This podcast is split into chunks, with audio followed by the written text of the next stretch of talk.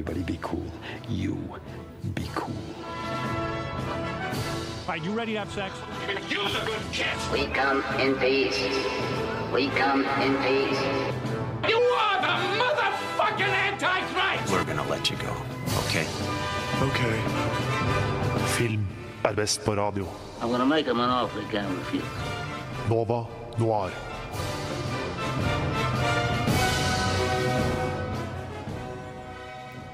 Hallo, hallo, og velkommen til Nova Noir her på Radio Nova. Vi er eh, Radio Novas egne filmprogram, eh, og i dag skal vi snakke om eh, Oscar-utdelingen. Utdelingen over alle prisutdelinger. Kanskje vi skal snakke litt om de forskjellige filmene, hva vi forventer, hvilke vi heier på, ting som irriterer oss. Så skal vi også snakke om litt filmnyheter, eh, men før det skal vi snakke om hva vi har sett siden sist. Sett siden sist. Yes, Og jeg er ikke alene i studio. Med meg i dag har jeg Hanne Marie Nord Hei, hei. og Ina Sletten. Hello. Også bak spakene. Ja. En kvinne med mange talenter. Og mye, mye greier i hodet. Så beklager hvis jeg er litt eh, fjern. Men uh, ja, det er veldig hyggelig å være her i dag. Det er jo vinterferiesending, og vi har heller ikke hatt sending på uh, to uker fordi korona har tatt oss, så jeg føler dette blir en hyggelig start igjen. Men uh, Hanne, hva har du sett siden sist? Um, altså, jeg har jo prøvd å forberede meg til Paul Thomas Anderson sin nye film 'Licorice Pizza', som vi skal snakke mer om seinere i sendingen. Eh, og med det så har jeg sett meg opp på litt av hans filmografi. Og så satte jeg meg ned for å se Punch Drunk Love. Og eh, altså, det var på grensen til å gi meg angstanfall. Altså, Oi. jeg syns den var så ubehagelig og stressende, og musikken og bare Det bare var ekkelt, liksom. Bare sånn Her er en person som havner i trøbbel. Men det er jo kjempebra. Nei. Jeg, jeg syns, jeg syns ikke det. Det var, nei, bare, det var bare skikkelig fælt. Jeg fikk en sånn klump i brystet. Eh, hun som jeg så den med, hun bare var sånn Nei, jeg orker ikke mer, jeg går. Så jeg ble sittende alene og være sånn OK, nå må jeg se den ferdig. Bare fordi at nå er jeg halvveis, jeg må vite, liksom. Og at håper at jeg gir en resolution som lar denne angsten slippe opp. Og det blir jo litt resolution, men ikke nok. Så jeg satt fortsatt med et sånn ubehag i kroppen. Eh, og for å klare å sovne den kvelden, så fant jeg ut at jeg skulle sette på Kung Fu Panda. Som ikke jeg har Ja. sett siden jeg var liten. Jeg har ikke sett den på engelsk før. Konklusjonen min er fuck Paul Thomas Anderson, og Kung Fu Panda er et mesterverk. Takk. Oi, oi, oi. Da skal jeg ikke se den. Jeg har også tenkt at jeg skal se meg litt opp. Men jeg liker den kjempegodt. Eller sånn, hvis man eh, faktisk eh, respekterer Adam Sandler som en ekte eh, skuespiller. Det gjør jeg ikke. Nei, ikke sant? Da kommer du ikke til å like den. Mm. Eh, men jeg elsker han, og jeg tror han har veldig mye potensial. Eh, og da tror jeg jeg ser bort fra veldig mye med den. Jeg Bare fordi at- jeg liker han så godt. Men han kan aldri være noe annet enn den karakteren han er i Grown Ups. Eh, nei, det er sant. Eller klikk. Ja, det er liksom den, den fyren. Ja. Og så er han alltid sammen med en veldig hot babe. Har du ikke sett Uncle Jams? Nei, jeg har ikke sett Jeg, Uncut jeg, så, jeg, så, jeg så ti minutter toppen av Uncle James før jeg var sånn Dette klarer jeg ikke. Jeg får sammenbrudd. Det er i hvert fall stressen. Hvis Ja. du syns at Punch Drunk Love var slitsomt, så tror jeg ikke du burde se Uncle James. Nei, nei, nei.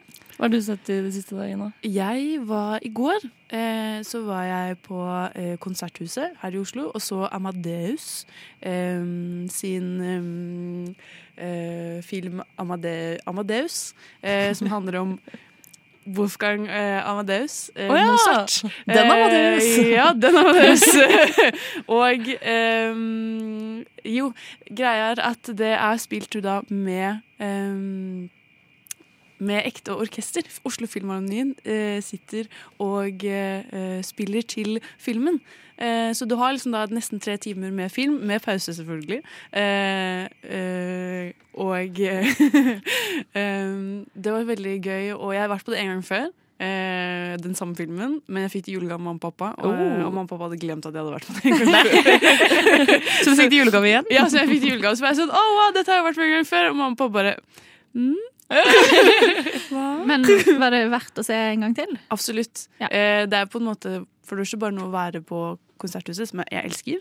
Eh, og eh, det er noe med, den filmen er tidløs. på en måte. Den kan du se når som helst. Jeg føler Den og Billy Elliot er sånn to filmer jeg gjennomgående kan nyte. Ja, Var Bra anbefaling. Ja, det har jo uh, vært litt eh, kontroversielt med tanke på at de Harry Potter Det skulle jo være det samme greia med Harry Potter-filmene, som jeg har hørt på en gang før også. Det har jo blitt saksøkt nå av Warren Bros. Fordi det har de absolutt ikke lov til. Ah. Så vil det var veldig morsomt, fordi i den uh, artikkelen så sto det at um, ja, men vi har faktisk snakket med Tono, uh, så vi får lov til det. Og så er det sånn, men det er ikke Tono. så eh, pass på der ute. Bli, det er kjempegøy, men pass på så dere også ikke blir saksøkt. Det er jo Ja, men jeg tror ikke du som publikum kan bli saksøkt Nei, for å gå på et Nei. sånt arrangement. Men ikke bli skuffa hvis du kjøper billetter, og så er det sånn Å ja, beklager, vi må avlyse fordi vi har gjort noe kjempeulovlig. Ja, ikke sant? Men jeg anbefaler du får en helt annen respekt for filmen. Ok, men så kult. Hva med deg, Embla? Eh, nei, jeg snakker bare om reality når jeg er her. Og det eh, så nå er det selvfølgelig Love is kjendis. Nei, ikke Love is blind. Jeg må bare snakke litt om Farmen kjendis. Du er den eneste som liker når jeg snakker om reality. Du er alltid ja! Suck on Paradise! Men, Jeg eh, har ingenting å bidra med når det er snakk om Men det er- reality. det er liksom første gang jeg har sett på Farmen kjendis på mange mange år. Og det er egentlig bare fordi liksom, denne sesongen Det er alltid når de tar litt av. Ja, men Ikke nødvendigvis bare pga. henne, men når du får veldig mye mediedekning, så er jeg som alle ja, andre og begynner å lese. jeg, jeg føler ikke at jeg trenger å se på Farmen, fordi jeg får med meg alt bare av hva er det VG som skriver om de. Ja, alle. Til og med Altså, hele tiden. Eh, sånn, å, Niklas Baarli har visst eh, blitt eh, skikkelig bitch. Ja, han har blitt eh, cancelled. og cancelled fordi han er kjip mot folk, liksom. Ja, og sånn, jeg trenger ikke å se det. utro på lufta. Det er masse juice og Isak som vant, og som Nei, på lufta. på TV, da. oh. Men det jeg har kommet fram til etter å ha liksom sett alle disse timene med Farmen kjendis og vært så engasjert og vært masse på Jodel og liksom bare Å, alle er enige med meg. Og liksom, det er denne kulten som dette har blitt. Og så plutselig så jeg det liksom utenfra på den finalefesten, for da var det så mye dekning, og det var masse jenter som kom ut og var liksom med sånn TikToker og skulle expose at Isak hadde vært utro mot Sofie igjen, og bare masse sånne greier. Og jeg satt og slukte alt, og så var jeg bare sånn Hva er denne verden som vi ser på innhold om kjendiser, og så følger vi på kjendiser dekke sine egne programmer, og bare alle For de dekker jo seg selv på God kveld Norge. Alle programlederne der er med, og TV 2-profiler som er med i TV 2-programmer, og alt som bare resirkuleres. Og plutselig bare følte jeg sånn Det er den Black Mirror-følelsen. Mm. plutselig blir sånn Å, hva er det? Så nå er jeg litt sånn Å, jeg burde egentlig bare boikotte reality, fordi dette er skummelt. Men så kommer Kompani Lauritzen neste uke. Ja. altså.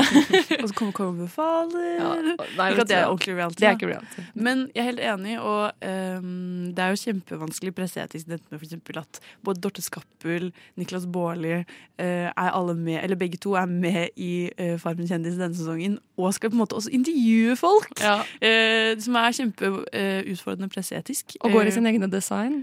Dorte. ja, ja. Farmen. Hele Farmen kjendis er jo spons, spons, spons. spons, spons. Ja. Det er jo helt sjukt. Men det er liksom en veldig sånn, eh, spennende bilde på samfunnet vårt, føler jeg. Det programmet, Og alt som skjer rundt. Eh, så man kan se på det på en litt sånn eh, analyserende måte. Så er det litt spennende. det er min unnskyldning. Men eh, For et ja. innblikk. Hvis du, hvis du ser på det med et mediekritisk blikk, er det greit? ja, liksom? da er det greit. Mm. Og da Det er er på jeg forsker på samfunnet vårt. In a world that's powered by violence, In a world without gas. In a world where owning a radio was strictly forbidden.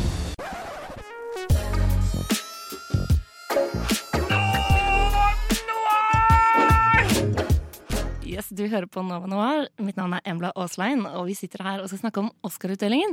Men før det så skal vi snakke om litt nyheter. Eh, litt eh, morsomme, trivelige nyheter, for det er nok av kjipe nyheter ute i verden for tiden. Eh, vi skal nemlig snakke om filmnyheter. Filmnyheter. Alt som vi lager nå, er remakes eller liksom samme historie om igjen. Om det har skjedd eh, en stor eh, skandale. Film. Film. Film. Film. Film. Film. Film, film, film, film, film, film, film, film, film, film, film. Nyheter. Filter, filter, filter, filter, film film filmnyheter. Veldig nytt Filmnyheter. filmnyheter. Hva er din nyhet? Uh, min nyhet Jeg har ikke så veldig mye spennende å komme med, men jeg så at uh, Aziz Ansari skal ha sin uh, directorial debut, altså sin spillefilmdebut, og ingen yngre enn Bill Murray skal være med på laget. Nei. Eh, og det er en eh, ramedy, eh, en romansk komedie, som det også heter, eh, som, handler om, som er basert på en graphic novel av, eh, som handler om en lege og hans eh, liv og virke. Så da skal vel Bill Murray spille legen, da. Men jeg, bare, jeg syns det er en interessant duo. Og så syns jeg også det er spennende at Aziz Ansari skal lage film. Han har jo på en måte kommet seg litt sånn sakte, men sikkert tilbake. Han ble jo litt cancelled for sånn noen år siden. Ja, Eh, det- under starten av Ja, men han Det er så lenge siden da. Jeg kan huske det vagt. ja, det, La oss snakke om gamle nyheter. Gamle nyheter. uh, greia var vel at han uh, det, kom, det var en dame som uh, sa at han hadde vært på date med han, og så hadde vært veldig pågående, og hun og prøvde å ligge med henne. Eh, han hadde ikke voldtatt henne, men han hadde, hun hadde følt det var veldig ubehagelig, og han hadde liksom ikke stoppet når, han, når de hadde eh, hooket, og hun hadde vært sånn 'jeg vil ikke, jeg vil ikke'. jeg vil ikke. Men så hadde det gått greit etterpå. Men eh, så det kom liksom Han var helt sånn på tampen av metoo-bølgen, hvis jeg husker riktig. Og så har, forsvant han, men så kom sesong tre av Master of, Masters of None um, i fjor. Uh, og det var jo det var nesten blottet for han, eller han har regissert hele, men han var jo på en måte hovedkarakteren i de to første sesongene. Uh, Jeg har akkurat begynt å se på Master of None, så jeg er veldig bakpå. Er Jeg skulle, burde egentlig snakket om det som jeg har sett siden sist, for jeg binget hele første sesongen og koste meg veldig med det, og tenkte ikke over Det var ikke noe ubehagelig å se Aziz Ansari, i hvert fall. Så Jeg tror han har kommet seg greit eh, gjennom det. Han hadde jo også en standup eh, på Netflix hvor han sa veldig tydelig fra at eh, han var veldig lei seg. Så han har gjort alle de riktige tingene og fortjener absolutt å komme tilbake. Eh, Men eh, Så han på en måte kom, kom litt tilbake gjennom den siste sesongen nå, og jeg syns den var kjempebra og veldig kul. Det er jo på en måte fange litt den uh, Hvordan det er, selv om det kanskje er vanskelig for han å portrettere, da, dette med hvordan være lesbisk uh, i et moderne samfunn og sånn. Men i i hvert fall, så jeg syns det var spennende, og jeg eh, håper det blir bra. Krysser fingrene for at det blir kult. Bill Murray er jo også Han blir jo med på alt for tiden. Ja, det, føler- det er ikke sånn at det er nødvendigvis en lovende ting, men uh, ja ja. jeg tror, jeg tror Bill Murray bare liker å ha det gøy. jeg. Jeg tror han driter i om det blir bra til slutt. Jeg tror bare han er ute og koser seg. Jeg er litt sånn som George Nei, jeg mener, hva heter han som er med i Armageddon? Du spør feil crowd. Eh, han som er eh, Bruce Willis. Bruce Willis, Han har blitt nominert til Apropos Razzies, så ble han jo nominert eh, til sånn 20 Eller sånn, det er en egen kategori som heter dårlige filmer Bruce Willis har vært med med i 2022. Eller 2021. Og det er bare liksom, Han har vært med i sånn seks filmer, og alle er like dårlige. Det er veldig gøy. Men det var min nyhet. Hva har du å komme til bordet med, Hanne? Jeg vet ikke om det er en kjempe liksom, nyhet-nyhet, men jeg fant ut av dette her i går fordi jeg fikk sendt ut litt sånn første trailer-pressemateriale-greie. Og det er at det skal komme en serie-remake av en av mine sånn favorittfilmer fra liksom gode, gamle dager. Nemlig The Man Who Fell to Earth, som er basert på boken av Walter Tevlis. eh, Og som da hadde i 1976-filmen hadde David Bowie i hovedrollen. Så det er jo eh, Jeg syns det er litt vanskelig at den Eller sånn eh, det, kan bli, det kan bli så kjipt hvis det blir en veldig dårlig serie. Men kanskje kan det få flere til å oppdage filmen. Eh, men så så jeg på Jeg er jo ikke en trailerperson, pleier å unngå å se trailere, men jeg klarte ikke å dy meg. Og det ser ut som de har gjort liksom noen veldig sånn spennende grep for å modernisere. Og så er det jo blant annet uh, of Four, som spiller eh, hovedrollen. Hvem er det igjen? Det er han Å, gud. Uh, han har vært med i mye forskjellig. Uh, Nå blanker jeg helt. Hva, hva er det han har gjort? Eh, vent, da skal vi google fort. En rask Google. en rask liten Google. Eh, 'Twelve Years a Slave'. Ah, Eh, eh, og ja, eh, flere ting som ikke jeg har husker ikke hva han sett. heter, men han er flink. Uh, Chiwetel Ejiofor. Eh, jeg måtte også google hvordan jeg uttaler det navnet, som er litt dårlig. Men, men ja, han skal spille eh, hovedrollen, og så er det Naomi Harris som er liksom menneskekvinnen han forelsker seg i, for han er jo en alien fra en annen planet som Ja. kommer til jorden. Og, ja. Um, så det, det kan bli bra, det kan bli trash. Uh, uansett er jeg veldig spent. Men det er en full serie? Ja, det skal bli en serie. Mm. Uh, og det så ut som de har gjort den liksom mørkere og litt sånn der Black Mirror-aktig. Fordi greien er jo at han er en alien som har, kommer med kunnskap om teknologi. Og så i originalfilmen så er målet hans å få frakte vann til sin hjemplanet. Men så kommer kapitalismen og gjør det vanskelig for han. Mm. Så um, det blir spennende å se en moderne vri på det, da. Okay. Eller, ja. jeg gleder meg. Eh, jeg har eh, også med en liten serienyhet, eller seriekontrovers, eh, nemlig Euphoria. Som eh, har vært på manges lepper den siste tiden. Har dere sett på? Ja. Sesong to, altså? Ja. Alle hver uke? Eh, ikke sett den siste. Oh, det er en bra en. Ja. Ja. Eh, for det er en serie som For det første så føler jeg det er en helt egen debatt i seg selv. Sånn, eh, er det egentlig skikkelig dårlig?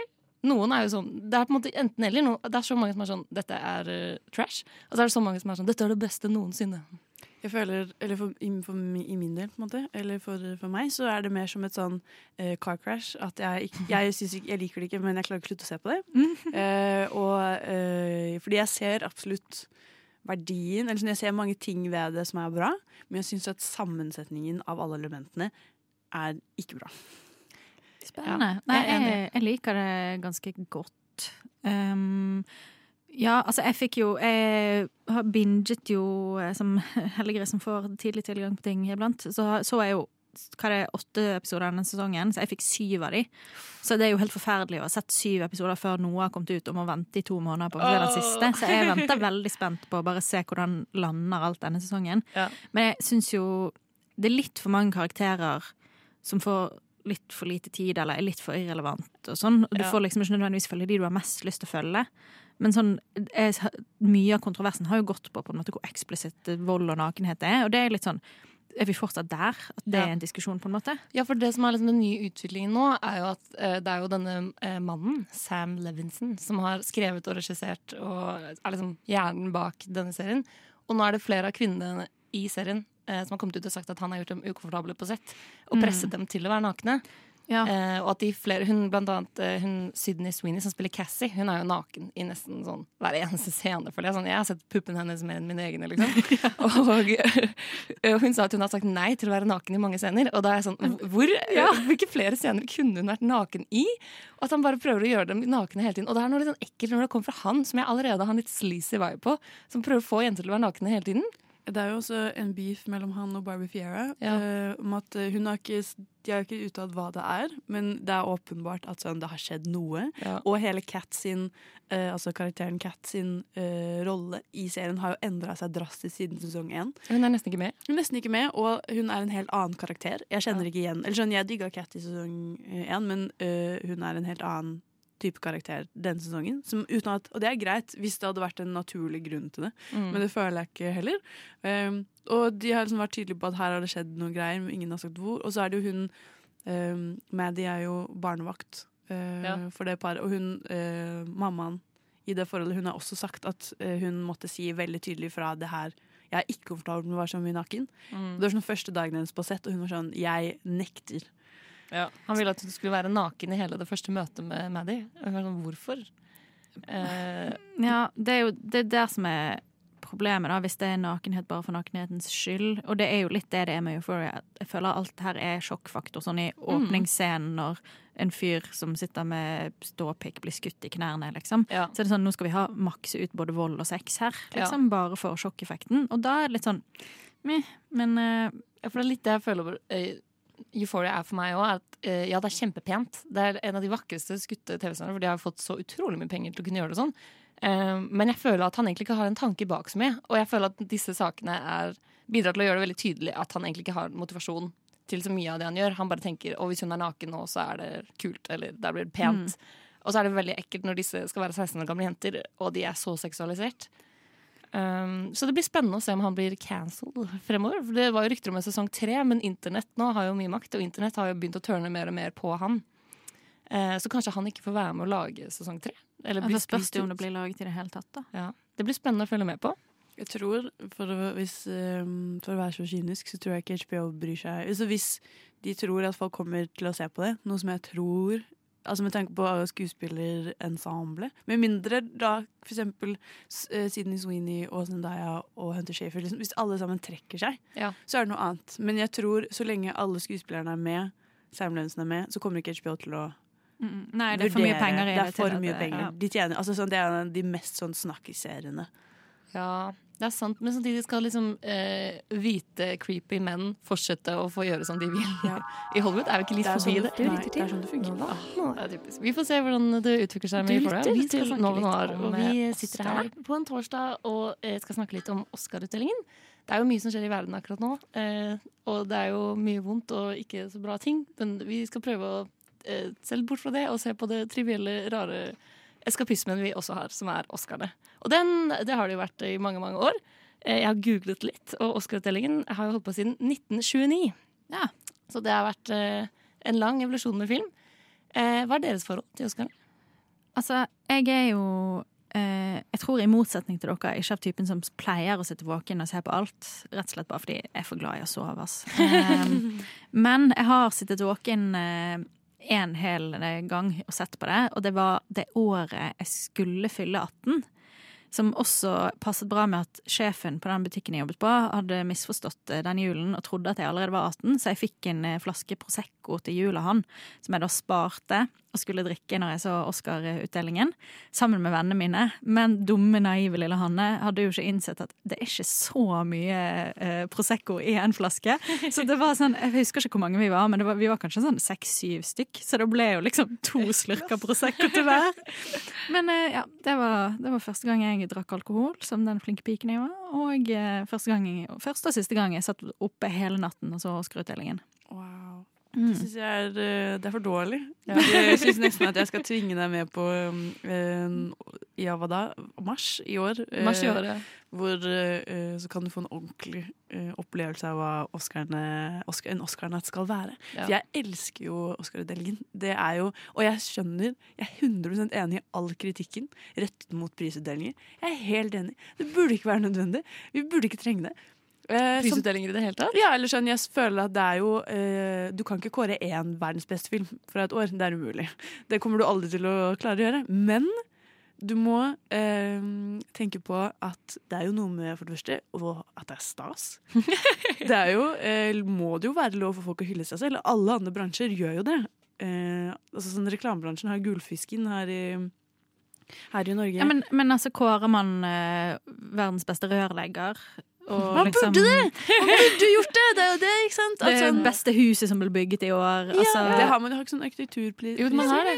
Rema 1000 går den beste Rema 1000-butikken Ja, men det i blir, Norge. det blir jo aldri dekket i media. Det er jo bare fordi at vi er i en sånn, i en sånn runkering av en uh, bransje som Det er de som styrer hva som blir vist på TV, og feirer seg sjøl, liksom. Du har helt rett. Og det er derfor sånn jeg ser alle poengene mot Oscar. Men jeg syns det er så hyggelig. Eh, fordi det er så mye fine eh, kjoler og dresser, og folk ser så bra ut. Du kan ikke begynne med det argumentet når du skal Jo, forsvare. det er sånn det begynner. Det begynner jo med rød løper. Tre Eh, timer med ja, det er gøy. Og kleine intervjuer, som jeg også elsker. For det er bare sånn alle er ukomfortable, ingen har lyst til å være der. Men så er det de der journalistene som er sånn yeah, This is my big break. Ja. Eh, så må de snå smalltalke med Leonardo DiCaprio. Og det er bare, ja. Men så eh, er det jo noe det med det fellesskapet. Nå er det jo også kjempemye reklamer i USA. Da. Så det, selv om det varer fra ett til klokken seks om morgenen, så hadde det egentlig vært, vart i to timer. Ja. Uh, men jeg bare, jeg vet ikke, det er et ritual jeg syns er veldig hyggelig. Og um, det er jo noe vi uh, snakker om kontinuerlig i løpet av et år. Det er liksom Etter Oscarene så er det sånn OK, hvem blir de neste? Og før Oscarene, hva er det Um, hva, uh, hva tror vi kommer til å vinne? Hvem skal bli nominert? Og så videre og så videre. Jeg føler det er veldig viktig for filmverden at vi har Oscarene. Fordi eh, liksom, film er jo en litt døende eh, sjanger i det mainstream. på en måte Det er færre og færre som ser film. Serier har tatt litt over. Eh, jeg håper jo det snur. Men, Ja, men, måte, ja, det er jo litt uh, spekulasjoner i at på Ja. måte, folk begynner å bli litt uh, Lei serier. Ja, altså sånn Johan Fasting som skrev 'Heimebane', gikk jo ut nå og skrev en eller annen sak for et par dager siden om at uh, han er lei TV-serier. på en Ja. måte. Og det skjønner jeg veldig godt, for det har vært litt for mye nå. Men det er så få som liksom følger med på film. Eh, og jeg føler at Oscar er veldig viktig for å liksom, eh, holde film litt relevant for resten av verden nå. Det er da alle snur seg litt og følger med, selv de som til vanlig ikke er interessert i film. Får med seg på en måte hvem som har vunnet beste eh, skuespiller eller beste film. Eller i hvert fall litt, hvert fall hvis en kjekkas er nominert. Men Ja. føler, det setter litt lys på film, da. Og det setter jeg alltid pris på. Men da lurer jeg på om Oscarene på en måte sparker bein under sin egen funksjon ved at de eksempel, Jeg leste i går at i år så er det ganske mange priser som ikke kommer til å bli presentert live, men som kommer til å bli delt ut en time før.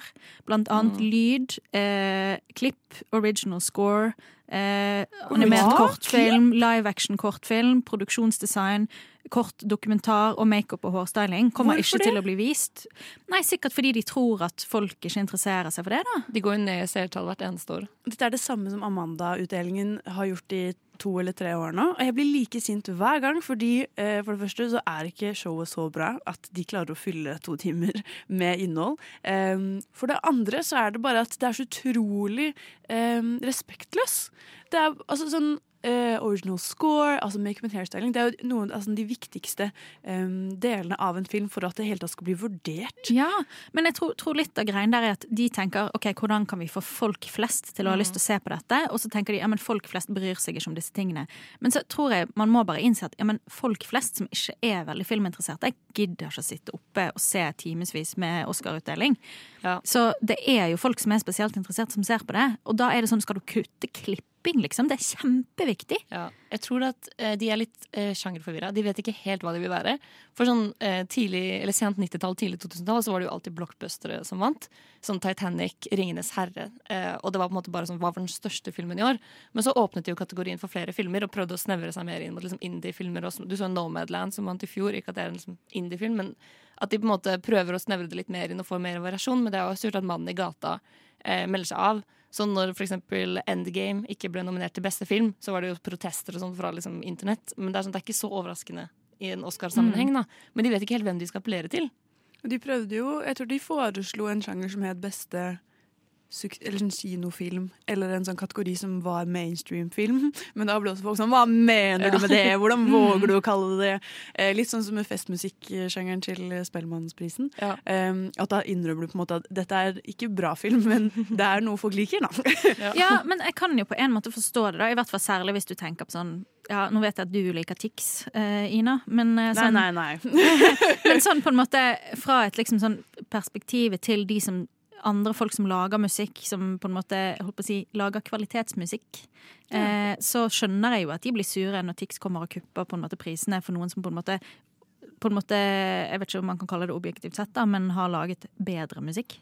Absolutt, jeg er helt enig. Og at det samme gjelder for film. At det er liksom kjipt at en eh, Hollywood-blockbuster, Avengers-type greie, kommer og kupper et på en måte kunstnerisk bedre verk.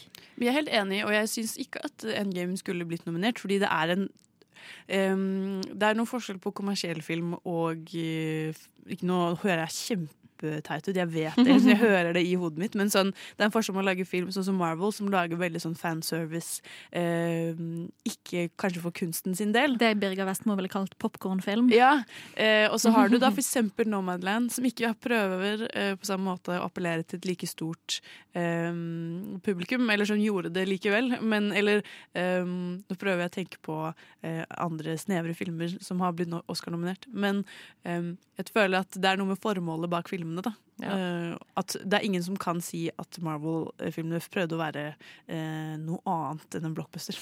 Nei, og det er ikke det at de er så snevre, disse filmene, på uh, Oscarene heller. Vi skal se nærmere på noen av dem. Men BAFTA, for eksempel, som er den engelske på en måte Oscar-utdelingen i gåsetegn, altså for England, de har jo nå de siste årene liksom differensiert seg mye mer fra Oscarene ved å nominere flere engelske filmer. Og i beste regikategorien er det nesten bare eh, engelske regissører. Og på en måte prøver å bli litt mer en egen greie. da Før var de mye likere, mens nå kan man se at de eh, skiller seg mer og mer fra hverandre igjen. Så jeg føler at det er liksom litt under endring, og det blir spennende å se ja, hvordan det blir fremover. Det er også spennende å se hvordan showet til Oscarene blir, fordi Golden Globes skulle jo vært Det er på en måte alltid sett på som Altså um, Hvis noen film vinner under Golden Globes, så er det ganske antatt at den kommer til å vinne under Oscarene også. Det er en slags sånn en, en prequel til uh, Oscarene. Men den eh, hadde jo ikke noe utdeling i år. Den uh, var jo for det første cancelled fordi The Hollywood Press har jo vist seg å være veldig lett påvirkelig når det kommer til pengegaver og andre goder. um, og er et eh, mest for det meste eh, homogent eh, sett med dommere også.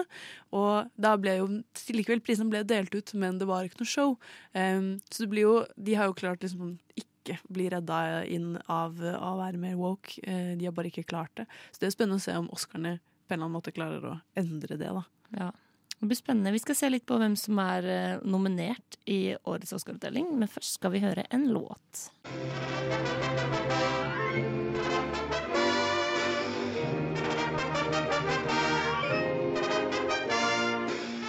Du lytter til Nova Noir hver torsdag 10-12 eller på podkast når du vil.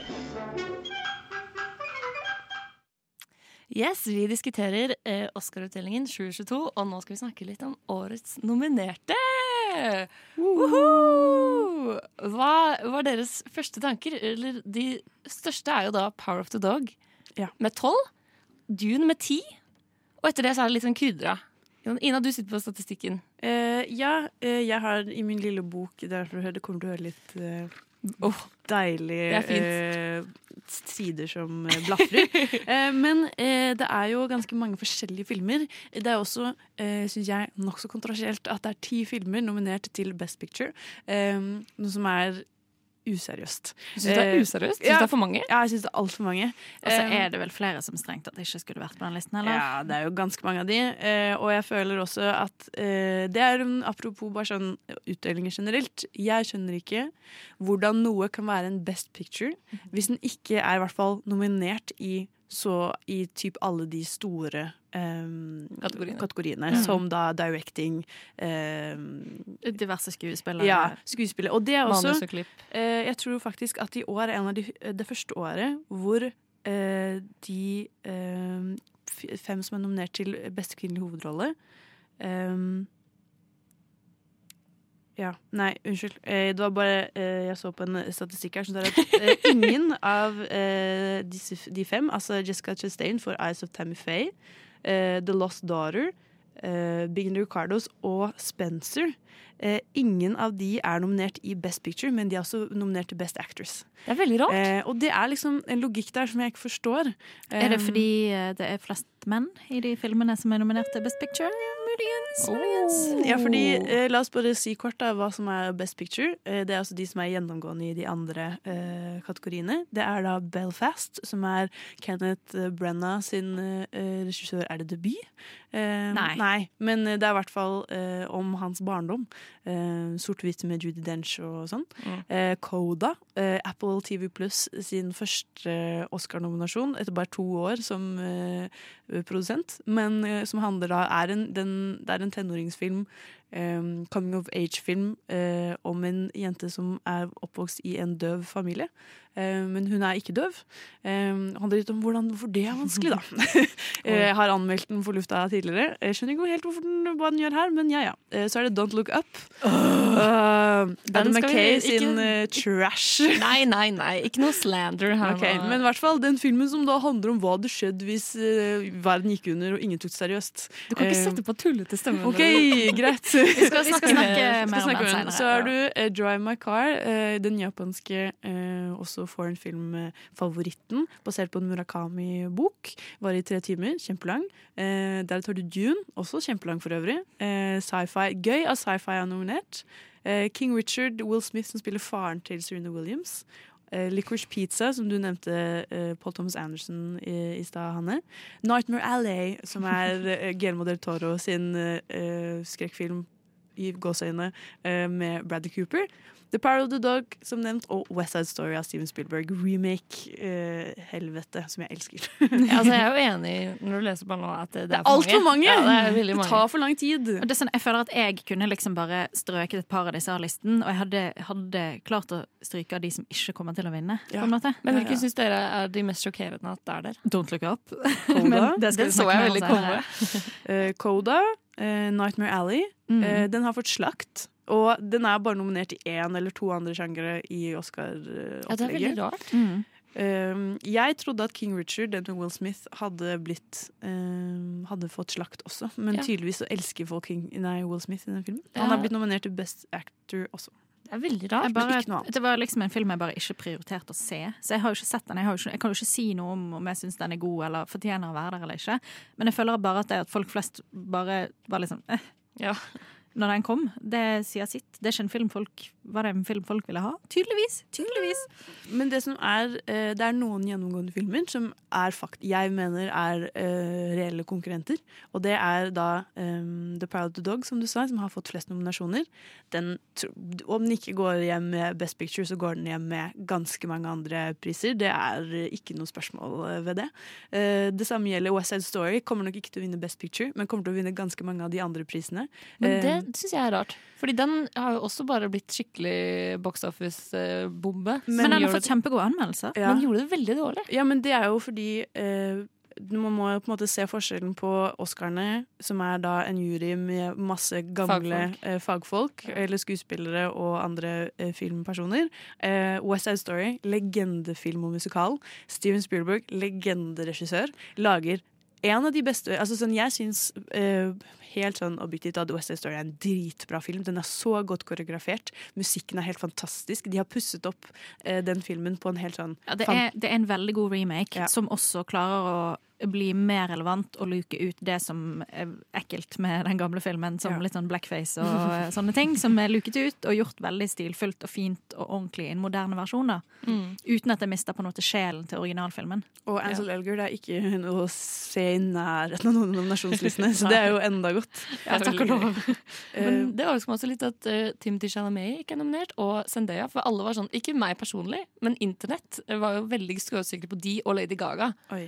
Men det sier Eh, nok om internett, tenker jeg. ja, ja. Men folk var, de, de var jo stjernene, da, og har vært med i alle de store filmene. Ja, men bare i småroller for det Dune? meste. Ja, borts, jo, bortsett fra Dune, da. men, Men, at Dune har utmerket seg på så mange punkter, men ikke på skuespill. De har ikke fått noen skuespillernominasjoner. Men det er kanskje også fordi det ikke er så veldig bra skuespill, eller? Men da burde ikke det gjøre at eh, hele filmen går litt ned i? Altså, jeg synes det jeg, sier jeg, litt, da. jeg syns jo ikke det er dårlig skuespill, men det er kanskje ikke, det er ikke en film som på en måte lener seg så tungt på skuespillet. Ja. Jeg tror det er derfor Oscar-utdelingen har jo de har jo på en måte en sånn ganske sånn tradisjonell streak med at det er liksom følelsesladde, opprivende roller som som regel blir nominert. Ja. Um, at det er liksom det, Du må vise stor range. Og sånn, ja, Timothy Chalamet gjør jo til en viss grad det i Dune, men samtidig Det er Timothy Chalamet, Ja. Ja, men det er det at han er med i alt, men Mm. den nominasjonen følte jeg ikke Altså Jeg, så, jeg antok han ikke skulle bli nominert, men jeg tror han følte litt at nå er mitt år. Stakkars. Hvis ikke nå, når? Fikk- Han Han fikk har vel ikke ganske god tid, tror jeg. ja, Han skal jo spille Willy Wonka nå, så da får han sikkert en biopic eh, for det. ble ikke han nominert for Call Me By Your Name? Jo, jeg Eh, lurer på det. Nei, det ble vel Army Hammer. Oh, Nei, ble det det? Jeg tror det. Jeg tror jeg ikke stemmer. Jeg, Jeg tror kan- han ble nominert da, faktisk. Men uh, Skal jeg Lady? Gaga Ja, google. Ta en Google. For jeg tror, eh, jeg tror han ble nominert, for da var han jo liksom Da var vi ikke lei av han ennå. Da var han jo ny Jeg og tror fresh. Det hadde vært veldig rart om Timothy fikk den. Ja, han fikk den ikke. Nei, nei, han fikk den Altså, ikke, men jeg tror ikke han var nominert heller. Jeg tror det var Army. Army, det var ikke Army. Jeg tror Army. Kannibalen. det var før vi visste at han var kannibal. Men av andre uh, Jo da, han ble Han ble Er sant? Ja. Ja Jeg kan huske det. Nei, for det. Men Lady Gaga er også sånn Det var jo veldig mange kritikere og sånne der folk som har laget sånn predictions. Hun var på alle som predictions-lister uh, for eh, House of Gucci. For det første, House of Gucci er en helt forferdelig film. Tenk, den er ikke blitt nominert! Jo, den er nominert til én ting, og det er kostyme. Ja, og det er jo bare Gucci. Altså. Ja, og det er fordi de stiller med bra klær. Ja, ja. Dagen for det. er. Godt jobba. Den, det sto jo som på plakaten, det er også Gucci sånn Oscar-favoritt. Eh, Oi, det er rart å si. folk kalte den en Oscar-favorittfilm. og sånn. Den og Spencer har begge blitt kalt sånn skikkelig Oscar-favoritter. Men Spencer er jo faktisk altså, Det er veldig mange som tror at Kristen Stewart skal få sin første Oscar-pris. Jeg håper det. Jeg håper det. Hun fortjener det. Men ikke nominert til beste film. Men Nei, eh, i igjen masse andre kategorier. det, igjen, det er liksom alle disse kjempeflinke uh, altså sånn, The Eyes of Tammy Faye, Mariska Chastain, Olivia Colman i The Lost Daughter, som også er Maggie Gyllenhaal sin uh, regissørdebut. Um, Parallelle mødre med Penelope Cruz og eh, Bing Ricardos med Nicole Kidman. Ingen av de filmene er å finne i beste film, men vi finner fuckings Coda. Det er kjemperart. Det er kjempe, Ja, altså, sånn, kjemperart. bare, altså, jeg har sett Spencer to ganger. Eh, jeg, jeg likte den bedre gang nummer to. Og sammenlignet med en del av de Best Picture-nominasjonene her, så forstår jeg kan ikke fatte og begripe at ikke den er der. Fordi jeg synes liksom hvis du ser på håndverket igjennom, så er det så mye bedre da enn ja, min uh, fiende på denne listen, Don't Look Up. Jeg er på en måte enig. Eh, men eh, BAFTA, altså den britiske utdelingen, har jo fullstendig boikottet uh, Spencer. Hun fikk jo ikke, Chris Stewart fikk ikke noen eneste nominasjoner. Og det er jo på en måte en film man trodde britene skulle like veldig godt, men de er kanskje litt lei av Diana og at en amerikaner spiller Ja, jeg tipper det er mer det at de, sånn, de føler at eh, en eller annen britisk eh, skuespiller ble robbet for sjansen til eh, den rollen, eller noe sånt. Ja, og det kan jeg tro på. Men det blir spennende å se hva som skjer. Vi skal gå litt eh, i dypere inn på en av favorittene. Den som har vunnet, eller blitt mest nominert, da. Nemlig Power of the Dog. Men først skal vi høre på en låt.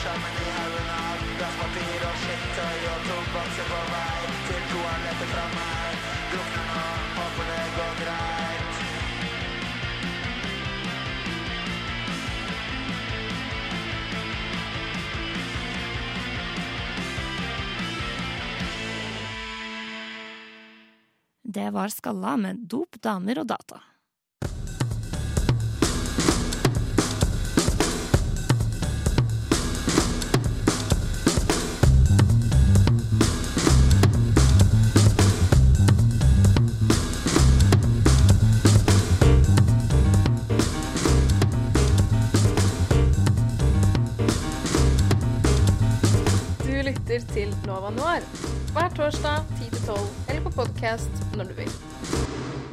Yes, Vi snakker altså om Oscar-utdelingen, og nå skal vi gå inn på den filmen som har eh, fått flest nominasjoner, nemlig Power of the Dog. Hva handler den om, Hanne? Altså, den handler om Phil Burbank, spilt av Benedict Cumberbatch, som er en ganske så kjip og jævlig rancheier. Rancheier. Rancheier. Rancher. Oh yeah, America. Uh.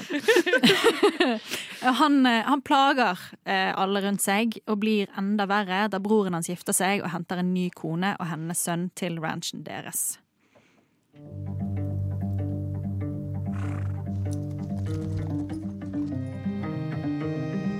Twenty-five years since our first run together. Nineteen hundred and nothing. It's a long time. What you doing? Getting mixed up with her. You are marvelous, Rose. We were married Sunday.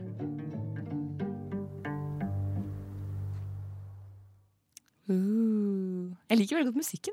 Den er jo, er ikke den også Oscar-nominert? Jeg tror det. Eh, det er jo eh, Johnny Greenwood som er R- Radiohead-keyboardist, eller noe sånt. Som, eh, han, som eh, han har vært Oscar-nominert før, tror jeg. Han er flink. Oi, oi, oi. Meget flink. Jeg liker at du beskrev den som at den handler om eh, Phil som plager alle. Fordi jeg, jeg var sånn Ja, det er bra! Ja, men det er jo på en måte Den tydeligste handlingslinjen her er jo bare at Plagsom. Men jeg begynte å se filmen på nytt eh, i går. Jeg så den første halvtimen og ble umiddelbart sugd inn igjen. Og var sånn, Jeg elsker denne filmen og holdt på å sitte oppe altfor lenge i natt for å se den ferdig. Men, altså, men da, når det var andre gangen, la jeg merke til at filmen blir jo på en måte introdusert av sønnen til denne nye konen, eh, eh, Rose. Eh, sønnen hennes, Peter det er han som har den første replikken, og det, han sier noe sånt som at selvfølgelig skal jeg gjøre alt jeg kan for å beskytte moren min. Ja, Og det er jo egentlig en rød tråd gjennom hele filmen. Ja, fordi at det er jo Rose er jo en av de som får det aller verst uh, av sinnet til uh, Phil. Han syns jo det er helt forferdelig at broren gifter seg og liksom endrer på deres hverdag. Og jeg syns det er så søtt at de to brødrene har liksom, de bor i et enormt hus, bare de to.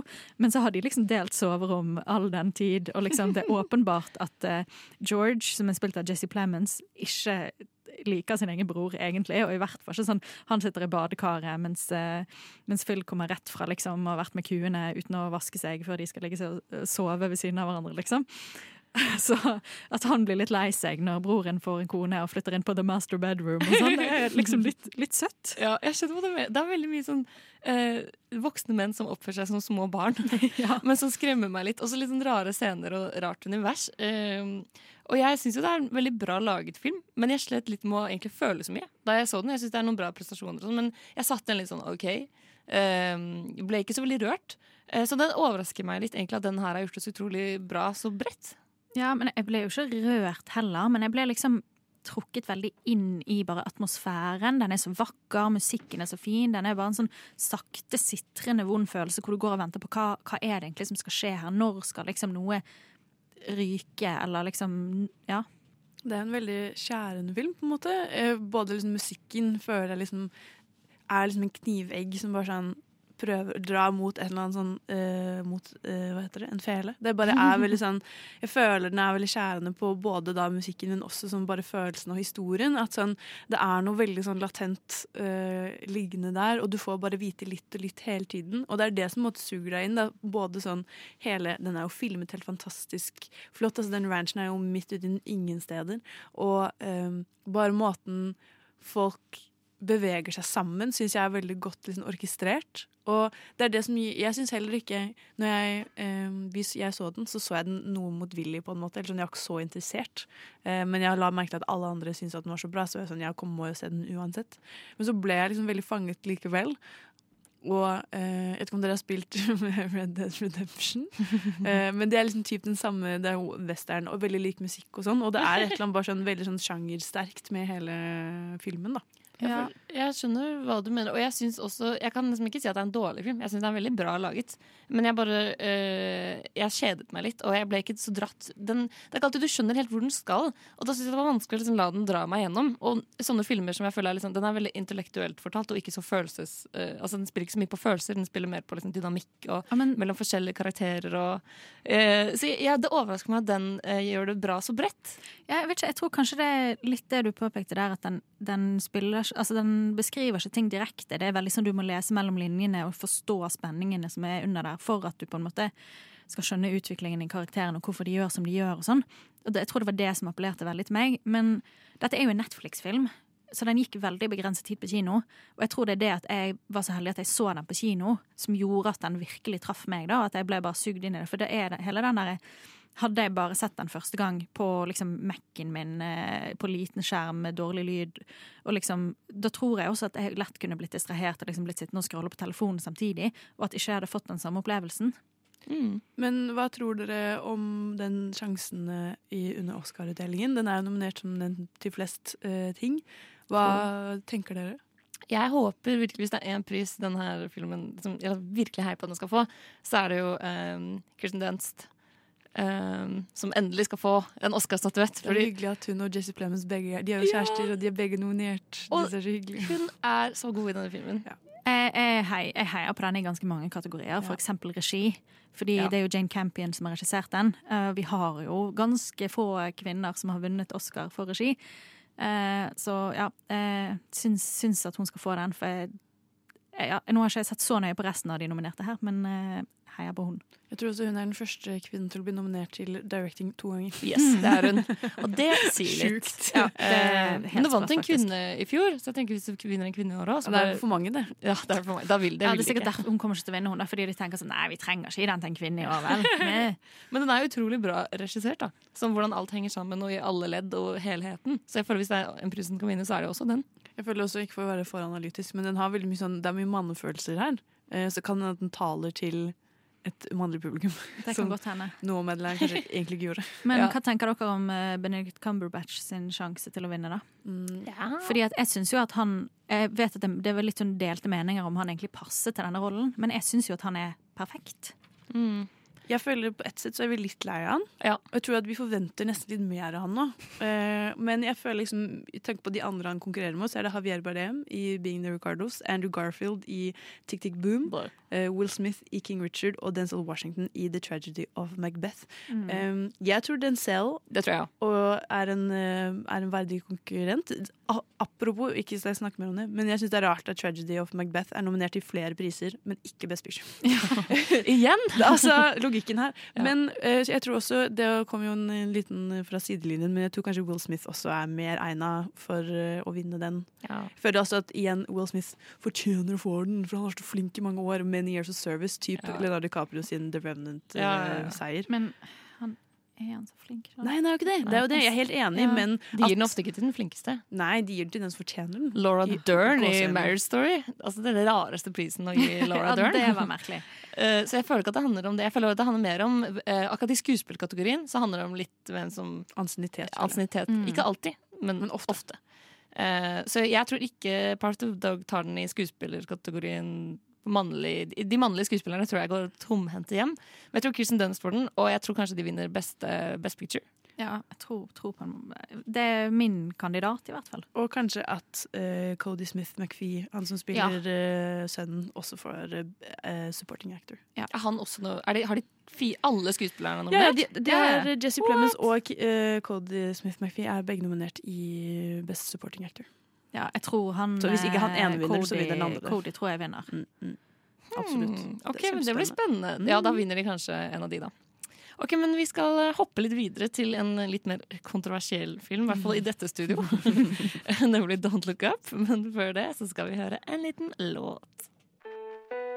Er Inglourious Bastards den beste Tarantino-filmen? Nei, det er jo ikke det! Det er ikke det. det er, er det noen som mener noen av dere det? Nei. Sånn helt Ja. Du mener det? Ja. Film er best på radio. Nova Noir. Ja, du lytter til Nova Noir, og vi skal krangle litt mer om litt film. Fordi vi snakker om Oscar-utdelingen, og vi går litt dypere inn i noen av disse filmene som har bemerket seg i beste filmkategorien. Eh, og en film som mange reagerer på, eh, og som jeg nå må ta en sånn forsvarerrolle til, selv om jeg er sånn lunkent interessert i den, men i studio med to stykker som virkelig hater den, eh, er Don't Look Up. Eh, og Don't Look Up handler om eh, Leonardo DiCaprio, eh, som spiller en forsker, sammen med Jennifer Lawrence, som også spiller en forsker. Ja. Han heter Randall da, i filmen. Og disse to forskerne eh, oppdager en komet og prøver å, som kommer til å drepe jorda. da. Og så prøver de å advare alle, og president Meryl Streep og hele gjengen. da. Sånn, det er en komet som kommer, og så er det Ingen tar det seriøst. og ja. Eh, vi kan se en trailer. I hear there's uh, something you don't like the looks of. We discovered a very large comet. Oh, good for you. It's headed directly towards Earth. This is the worst news in the history of humanity. He just blew us off. What are we gonna do? We have to release the information. So we just leak it. Our guests today have made a pretty big discovery in space. How big is this thing, though? And can it destroy my ex-wife's house? Is that possible? There's a 100% chance that we're all going to die. We're gonna get the news out there, one way or another. It's real and it's coming. Oh yeah! Det er jo artig. Boble. Sinnet bobler inni meg av dette her. Men jeg skjønner ikke at dere blir så provosert av den. jeg blir provosert av at folk liker den, fordi jeg syns at det er piss fra ende til annen. Jeg syns det er funny. Nei, det er jo ikke det. Den er jo litt morsom. Nei. Jeg, vil bare male et bilde av dette er første juledag. Eh, jeg, mamma og pappa har vært eh, hos eh, den ene siden av familien i Horten. Vi kjører hjem, tar en time. Det vi snakker om hele bilturen, er nå skal vi hjem. Dette har vi snakket om i flere dager også. Vi skal hjem, vi skal eh, chille, og vi skal se på Don't Look Up. Eh, fordi ah, vi elsker Adam McKay, ah, vi elsker Leo DiCaprio, Kate Blanchett, Jennifer Lawrence, Timothy Chalamet. Alle det er så mange kule folk, eh, og det kommer til å bli kjempebra. Og så sitter vi der. Nå er det faen meg over to timer, og ingen ler. Verken jeg Lo dere ikke noe? Ikke mamma, ikke pappa. Det eneste vi lo på slutten, når de er på den der planeten Ikke spoil hele i Ja, tilfelle. Ikke noe spoil. Noe spoil. Hvis du ikke har fått med deg den mest sette filmen på Netflix noensinne. I'm sorry. I hvert fall spoiler, men i hvert fall slutten. Det er den eneste gangen. Da var mamma sånn Ja, det var noe som var morsomt, i hvert fall. Ja, men eh, Jeg hadde helt andre forventninger, for jeg så den etter du sa den. Sugde. Så jeg forventet å se en kjempedårlig film. Og så koste jeg meg litt. Så det, jeg tror det handler litt om hvilke forventninger du går inn med. Ja, men jeg gikk inn eh, og så den på en måte før det var kommet anmeldelser, og skulle skrive anmeldelse sjøl. Gikk inn med ganske sånn åpne ingen sto, altså Store forventninger til skuespillerne. Men problemet er at jeg syns at sjøl om det er liksom et stjernelag med skuespillere, så er, det kan jo ikke redde at hele premisset om utførelsen, en merkelig sjangerblanding som, Det er liksom liksom satire, men det er bare dum satire. Det er ikke smart satire engang. Det er liksom Det er bare sånn eh, å ja, selvfølgelig er dette Trump. Selvfølgelig er dette ø, vaksinefornektere. Altså, det, er bare, det er bare så alt er sånn på overflaten. Jeg kjøper ikke eh, at eh, DiCaprio skal være en sånn der bomsete forskertype. Jeg kjøper ikke det litt engang. Jeg syns ikke han klarte å pulle det off i det hele tatt. Altså, Og det er derfor det er så morsomt at hele internett begynner å romantisere han og dad både han og sånn. Det er kjemperealistisk. Ja, det, nei, fordi det er jo akkurat det vi gjør med han, selv om at han er Men først må jeg bare få uh, nevne at uh, jeg tror at jeg har valgt å gå inn For jeg er enig, det er jo ikke så smart, det er veldig åpenbar satire. Så de folka som er sånn Dere, jeg tror denne handler om klimaendringene. De er jo sånn no shit, liksom. Men uh, jeg tror jeg har gitt den et nytt nivå av eh, smarthet. Jeg tror kanskje jeg tror at Adam McKay er kanskje smartere enn han er. Men jeg tenker at eh, det er satire igjen. at det er så åpenbar Nei. satire. Nei, nei, Tror du ikke- Nei, det, For det er sånn jeg tolker den. Nei, det dette er sånn det verste argumentet jeg vet om. Når det er sånn Ja, jeg skjønner at du tror den er dårlig, men det er meningen at den skal være dårlig. Det er akkurat det jeg følte med Tennet! Det er ikke sånn det skal være! Akkurat det jeg følte med Nei, Tenet Men det jeg vil bare si, apropos dette med eh, Leonardo DiCaprio-delen, er jo at eh, jeg er helt enig i at vi romantiserer Leonardo DiCaprio, men det er fordi vi har romantisert han siden han var 20 år gammel. Og hvis Men det er bare- derfor det er meme at det er han. ingen som syns at Leonardo DiCaprio er digg i dag! Det er derfor det er morsomt! Det, det, det er jo ikke det! Det, det blir sånn, det er sånn Å, vi bare tar, gjør Leonardo DiCaprio en heartthrob. Men det er sånn, ingen hadde gjort det eh, til vanlig. Og derfor jeg føler at den er så dum, fordi den prøver å være sånn Det er den faller. Real, nei, det er ikke der den faller, men det er en pluss av mange mange, mange, eh, mange, mange elementer som bare gjør det til et shitshow av en film.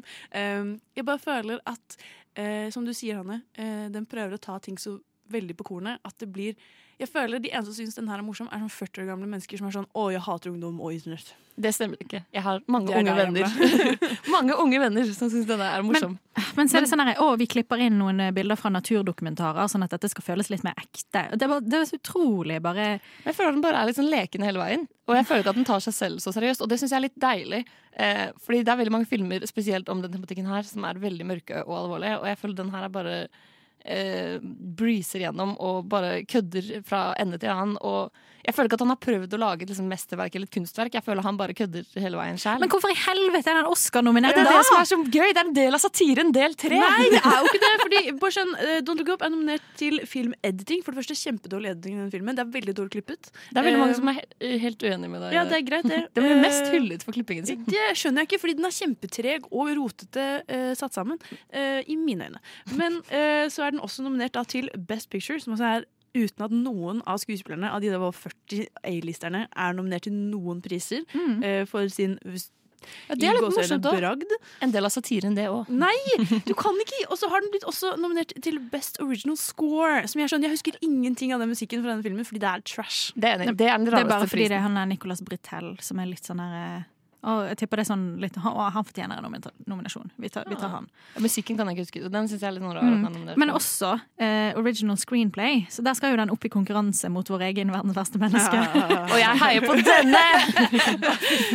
Men det syns jeg er uh, mer legitimt at den er blitt nominert til, til Original Screenplay, fordi sånn sett så er det sånn konseptet og uh, jeg føler at Nei, Men du kan ikke nominere en komedie som ikke er morsom, som ikke har gode vitser, til best screenplay. Der må dere rett og slett bare tenke at humor er subjektivt. jenter. Wow, Veldig mange andre syns den er morsom. Du er så hyggelig. Det er så mange som syns den er Hvis du hadde vært på andre siden av dette bordet, så hadde du, eh, eller andre siden av den filmen, så hadde du vært så sint hvis jeg hadde sagt det samme til Men deg. husk at jeg syns den er helt midt på treet. Det er bare noen som må forsvare den her. Men det er bare sånn, Jeg syns Ja, men- ikke den er umorsom, ikke morsom i det hele tatt. Jeg lo opptil flere ganger. Og jeg syns noe av det morsomme er at alle spiller så dårlig. At skuespillerne spiller så over. Det er veldig veldig flinke skuespillere. Og så bare plutselig dukker. Timothy Chalamet opp. Tenk hvis han ble Oscar-nominert for den rollen og ikke Dune! Det hadde vært så, det hadde vært satirelevel fire! Det, det hadde vært satire. Det Det kan jeg være med på. jeg Men, eh, skjedd, men sånn for han er, jeg føler at den rollen er skrevet inn bare fordi de tenkte sånn eh, Vi må jo ha med Timothy Chalamet i denne filmen også, men vi har ikke en rolle som passer til han. Vi bare lager en. For han har ingen funksjon i den filmen. Helt enig, og det er det jeg syns er så gøy. Det er her jeg finner humoren. Og at Jennifer uh, Lawrence og Leonardo DiCaprio liksom spiller så stivt og overdrevent, og Meryl Streep er så overdreven. Men jeg har bare tenkt med vilje. Morsomt. Bra Ja, jobba. men jeg syns ikke det er nok å basere humoren på at folk gjør ting dårlig med vilje. Men hvis vi skal liksom runde Jeg skrur av mikrofonen din. Nei, nei, nei. Men ok, Hvilken sjanger tror dere den har best sjanse? da? Er det noen priser dere tror den tar med hjem?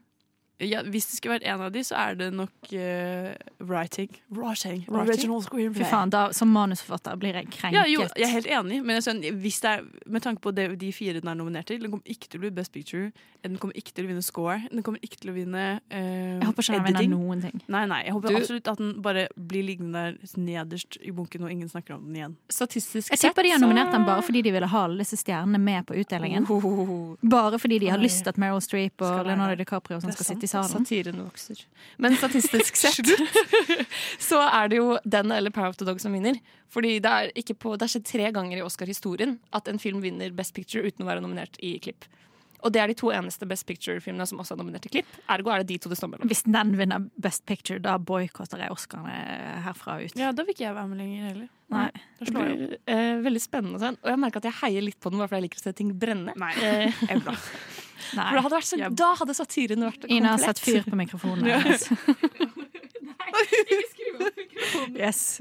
Vi- Ja, ok, Da tenker jeg at vi sier takk for dette stikket, og eh, vi går videre til å snakke om licorice pizza, som også er en kontroversiell film. Men nå skal du høre 'Everyone's a Psycho' av Spesielt Embla en psycho. Embla er en psycho av Kilimanjaro. Og nå er vi drøye, og så er det sånn, men dere er jo egentlig ikke det. Nova Noir. Uh, yes, vi er tilbake. Jeg har fått lov til å få mikrofonen min på igjen. Under tvil. Under tvil. Jeg er på prøve. Uh, og vi skal snakke om eh, en enda en film som har blitt nominert til noen priser og er litt kontroversiell. Hvilken da, Ina? Licorice Pizza skal vi snakke om, som er, eh, som Hanne nevnte tidligere i sendingen, Paul Thomas Anderson sitt eh, nye verk. Eh, vi skal til 1973 eh, og møter eh, highskoleren eh, Gary Valentine. Han har lyst på alt i verden. Han har lyst til å bli eh, skuespiller. Han har lyst til å selge eh, vannmadrasser, eller hva heter det, vannsengmadrasser. Eh, han har lyst til å gjøre ja, nå toppen. Eh, så blir han eh, stormforelsket i eh, den nesten 30 år gamle, eller i hvert fall i slutten av 20-årene, eh, Alana Kane. Eh, og de eh, starter på en noe problematisk og spørsmålstegn eh, romantisk eh, reise eh, gjennom eh, livet. Do you really want to see my boobs? Can I touch them? See you tomorrow.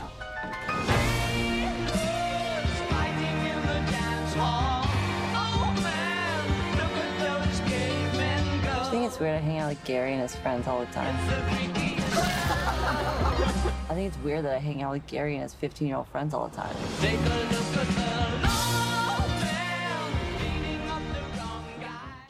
Og eh, denne filmen eh, har premiere eh, til helgen. Og, eh, men vi har også snakket mye mer om handlingen og filmen fra eh, TIFF spesialsendingen vår. Så vi skal ikke skal så mye inn på handlingen. Men eh, det vi, som har liksom vært gjennomgående i media om denne filmen, er for det første da det skjeve forholdet mellom Alana Kane og Gary Valentine. Og eh, også at det er noen litt dumme, vanskelige eh, vitser i, i løpet av denne lange Ja, filmen. ganske sånn straight up eh, rasisme som blir gjentatt ganger to. Og som det Ja, jeg så denne filmen eh, for andre gang uh, på pressevisning nå denne uken. Og jeg syns det var litt ekkelt jeg at folk i salen faktisk lo av eh, de ganske så problematiske vitsene. Men eh, Paul Thomas Anderson har jo unnskyldt dette med at det er eh, fordi den filmen er satt til 70-tallet Ja. og skal representere sånn som det var på 70-tallet. Men um, Det var liksom det jeg tenkte kom til å være argumentet hans. Ja. fordi det er jo en, på en måte sånn tidskoloritt av 70-tallet. Og det er fint og flott og kult. Ikke at man nødvendigvis trenger å liksom ta med de rasistiske bitene. Man kan jo bare dusje de ut og så fokusere på andre ting. Fordi det jeg liker å oppsummere den som, er på en måte uh, Once Upon a Time in Hollywood, bare litt dårligere. Eh, eh, jeg syns ikke jeg, eller Det er en helt grei film. Det er en veldig rotete, uh, lite sammenhengende film. Um, hvor det er egentlig bare om å gjøre opp, dytte inn så mange som mulig av Paul Thomas Anderson sine barndomsminner um, i én film. Og uten at det er ingen konsekvenser for noen ting. Det er bare uh, Ja. Du svever gjennom 1973 uten egentlig så mye som ja. Og det er noe av det jeg liker med den. da. Jeg er veldig ambivalent til denne filmen. Fordi jeg, som jeg nevnte tidligere, er ikke kjempefan av Paul Thomas Anderson sånn generelt. Så på mange måter er dette den filmen av han jeg har likt best. Eller blant de jeg liker best. Men samtidig sitter jo man med en sånn ekkel skygge av en mannlig fantasi. Fordi jeg føler jo at hele denne filmen hører hjemme på gutterommet hans. Og jeg syns det er litt spesielt at eh, The Academy tydeligvis også heier på forhold mellom 15-åringer og 25, 26, 27, 28-åringer. Men eh, altså, roman Jeg har jo ikke sett filmen, og jeg, jeg tror jeg kommer til å elske den. Eh, bare sånn, For det er veldig min type film. Men eh, romantiserer den dette forholdet? Det er det ikke på en måte den Nei, det er jo på en måte en romantisk komedie. Man skal heie på at de ender opp sammen. Okay, Og filmen sånn- spiller seg ut over under et år, liksom, så det er ikke sånn at han blir eldre i løpet av dette. Så du sitter ikke med liten sånn følelse av at dette er en skildring av noe som kanskje ikke var helt greit? På en måte. Nei, nei, nei, nei det, vi skal heie på det. Det er ingen rundt de som reagerer. Ok, det er litt rart. Men jeg tenkte med en gang på Mid-90s, for det er jo også en film som på en måte bare flyr rundt eh, på 90-tallet. Og der har han jo også Han blir, har jo sex med uh, Maddie fra Euphoria. Men Mens Mens er han jo- sånn tolv år. Ja, og det er jo ikke bra i det hele tatt heller. Nei. Eh, Men, da følte jeg mange var sånn kul Eller det var det ingen som reagerte så veldig på da den kom. Men det var en kjempeubehagelig scene. Veldig ubehagelig scene. Og, men den er gjort ubehagelig. Eh, Ja. Det er ingenting som er ubehagelig med licorice pizza. Nei, de Nei, bare man- glorifiserer. Ja, ja. Mm. Det er liksom sånn uh, uh, Men hele greiene starta jo med at hun Alana, når Gary bare ser hun og begynner å flørte med hun og invitere hun på middag, så eh, sier hun sånn ja, hvorfor skal jeg, jeg kan ikke gå på date med en 15-åring. Eh, og så maser han mer, og så er hun sånn ja, vi kan være venner, men jeg kan ikke være kjæresten din. Det er ulovlig. Og så handler hele filmen om at vi likevel skal heie på at de blir sammen. på en måte. Hmm. Eller sånn, Det legger opp til at vi skal ønske at de finner ut av fordi det er jo sånn romcom-forviklinger, misforståelser, sjalusi som gjør at de på en måte ikke tar det neste steget. og så skal vi liksom heie på det. Som jeg syns er utrolig ubehagelig. For liker, egentlig liker jeg den kjempegodt. Den er vakker, den er, det er god musikk. Jeg, eh, jeg trives godt med at den bare er litt sånn detter inn i ulike situasjoner. Plutselig dukker Bradley Cooper opp i en helt sånn sinnssyk rolle som er bare kjempegøy og får ingen konsekvenser. Men, så det er bare sånn å ja, der var han og gjør noen syke greier i et par minutter, og så er han jo vekk igjen. Og det, det er festlig. Men, eh, men hele tiden så sitter jeg likevel og syns det er litt ekkelt. Jeg er helt enig i at det er masse kule scener, og uh, den, ja, den er veldig morsom og, og fin, men det er alltid den underliggende uh, tematikken om at det her er ikke greit. Jeg har ikke noe lyst til å se på det. Men det er jo det, den har likevel blitt nominert til tre-fire kategorier. Tre. Mm, tre. Eh, og det er blant annet av Best Picture og uh, Best Directing, også Beste manus. Som er uh, kjempebra å bli nominert til, men også veldig rart å bli nominert til i hvert fall de to, kanskje tre gjeveste prisene, eh, men ikke funnet av noe annet sted. Um, som jeg syns er ja, eh, rart. Men den appellerer jo kanskje fordi hver kategori har jo sin egen jury.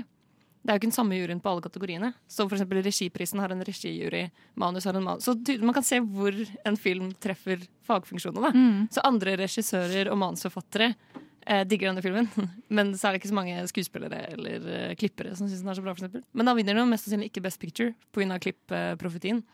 Eh, Ja. Så hvis den vinner noe, så er det vel regi eller manus. Ja, Den er jo kanskje ikke nominert i sånn skuespillerkategoriene fordi at de er nykommere, begge de to i hovedrollene. Ja, Alana Haim fikk jo eh, BAFTA en nominasjon. Ja, og jeg syns jo at begge de to er veldig flinke, men de har jo ingen romantisk kjemi, selv om det er det vi skal heie på. Eh, og så er det jo sønnen til Philip Seymour Hoffman, eh, Cooper Hoffman, som spiller eh, 15 år gamle Gary. Han er vel 18 i virkeligheten. Men eh, og han, jeg syns han er kjempeflink, og du ser litt at han har litt farens sjarm. Og Philip Seymour Hoffman var jo en, han var jo med i nesten alle Paul Thomas Anderson sine filmer før han døde. Så det, er jo på en måte, det var jo fint og hyggelig å se han. Eh, og han var flink, men jeg skjønner at ikke de er Oscar-nominerte, på en måte. Heier dere på den i noen kategorier? Nei. Nei, altså kanskje på en måte Jeg kan, jeg kan skjønne det hvis den vinner manus. Mm. Um, fordi jeg på en måte Jeg tror Den er jo, bortsett fra at den er ekkel, så er den jo godt skrevet og mor morsom dialog og kule situasjoner, liksom. Mye bra Ja. referanser. Ja. Og den er veldig gjennom sånn godt utført film. Da. Mm. Den, her, altså, sånn alle, den er så utrolig detaljert, eh, og det er jo han veldig god på. Eh, dette med å gå sånn ordentlig inn i hver scene og plassere um, ja, elementer Og så elementer. er det vel sannsynligvis en ganske hvit uh, mannlig jury. Eh, kanskje med et par unntak i den manuskategorien. Mm. Eh, og da, er det ikke, da tror ikke de tar seg så veldig nær av verken aldersforskjellen eller rasismen. så eh, det kan godt hende Der har den en reell sjanse. Og der konkurrerer den jo mot vår egen eh, verdens første menneske, og den skal vi snakke litt mer om. Men først skal vi høre eh, For Hannah av Malgirl.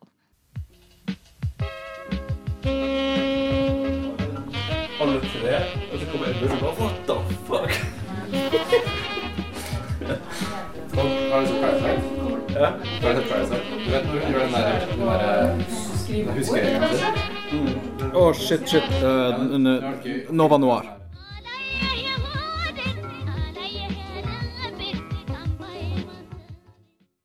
Yes, Du hører på Nova Noir, og vi snakker om Oscar-utdelingen. Og plutselig, eh, Vi nerder på Oscar-utdelingen eh, hvert år, men plutselig så er hele Norge interessert. Og kanskje det til og med blir vist på norsk TV, og vi slipper å bruke sånn VPN og sånn for å se på det i år. Fordi eh, vi bryr oss om ting vi er gode på, og i år er vi nominert. Nemlig med 'Verdens verste menneske', som sikkert alle har sett, og alle er veldig lei av å snakke om.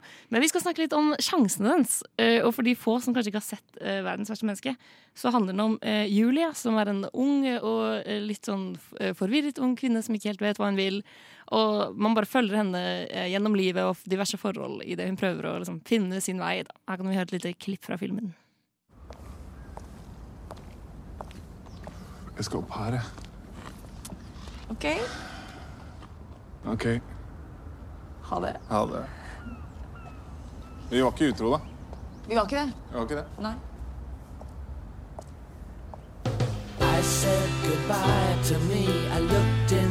Da, hvis du er glad i meg, hvis du elsker meg, så da fikser vi alt det andre. Ja, jeg elsker deg. Men jeg elsker deg ikke. Woho! hva, hva følte dere da den ble nominert? Feiret dere? Eh, Jeg tok det som en selvfølge. Ble egentlig best overrasket over at vi fikk to. Det er jo den første Dette syns jeg er rart at ingen har nevnt noe sted For jeg har lett i alle norske artikler om denne filmen, men det er første gang Norge er nominert i mer enn én kategori i under Oscarene. Og det er jo ganske kult. Vi er både da beste foreign film, eh, men også beste originalmanus. Ja, det, det er litt sprøtt. Altså, jeg, det, som manusforfatter sjøl, så jeg, jeg har jo det blitt litt en snakkis i miljøet. Eh, og da noen spurte meg her om dagen sånn, ja, hva er dine ambisjoner liksom, på, i manusverden, så var jeg litt sånn ja, men vet du hva, nå kan jeg jo faktisk nå kan jeg faktisk si at nei, jeg har lyst til å vinne Oscar, jeg. At, at det, for det på en måte, nå er det liksom realistisk Ja, ja, ja. ja, ja. Men liksom realistisk, eh, også som norsk manusforfatter, da, å Ja. skrive norsk film. Så det er jo det er veldig Jeg lurer på sånn, ok, Har de fått en oversatt versjon? Hvor god er den? Hvem har gjort det? Hvem oversatte ja. den? Eh, jeg er veldig nysgjerrig på hvordan det har fungert. Men jeg føler at uh, Vi snakket jo litt om at skuespillerprisen er en litt sånn uh, vær så god, du er så flink. Jeg føler egentlig det er litt det med denne også. At sånn, uh, nå har Joakim Trier og Eskil Vogt blitt ganske anerkjent. I hvert fall for Oslo 31. august og reprise. Um, så jeg føler igjen at kanskje denne nominasjonen er, til manus er en litt sånn Takk for alt det fine du har gjort for oss.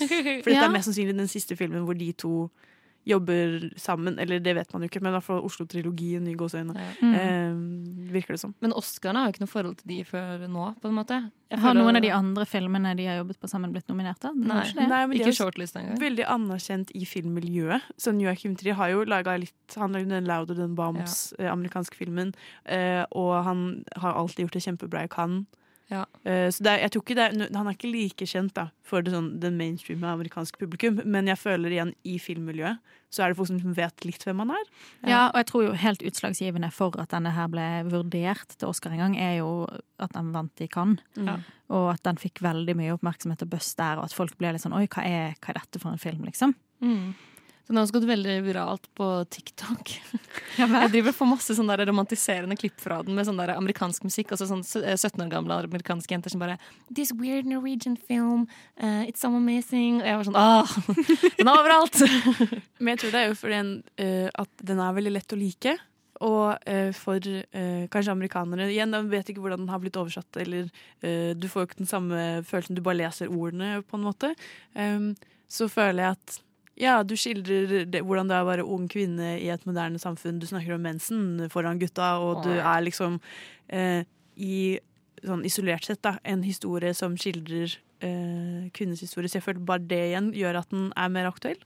Det var på eh, et vors for litt siden hvor, hvor det var en eh, gutt, eh, Lukas i redaksjonen, shout-out, som sa at eh, han ikke likte å være en svart menneske. Og det var sånn eh, seks jenter som alle bare Er det fordi den handler om en kvinne? Det er fordi du er mann! Og da ble jeg bare sånn Hallo, den er bare laget og skrevet av menn! Ja. Problemet er at det er Altså, en mannlig film. Ikke, nå skal ikke vi liksom ta hele den diskusjonen nok en gang, men jeg syns jo det er interessant nettopp fra et manusforfatter, kvinnelig perspektiv, at jeg føler at du skjønner Du kan se at på karakteren Julie at dette er en dette er ikke, Jeg tror at den hadde blitt veldig annerledes hvis det var en kvinne som sto bak ja. manuset, eller regi, eller hadde liksom en Jeg vet ikke om det er så mange kvinner som har sentrale funksjoner i den filmen, utenom Renate Reinsve, liksom. En av koprodusentene er kvinne, da. Ja. Det er kult. Shout-out.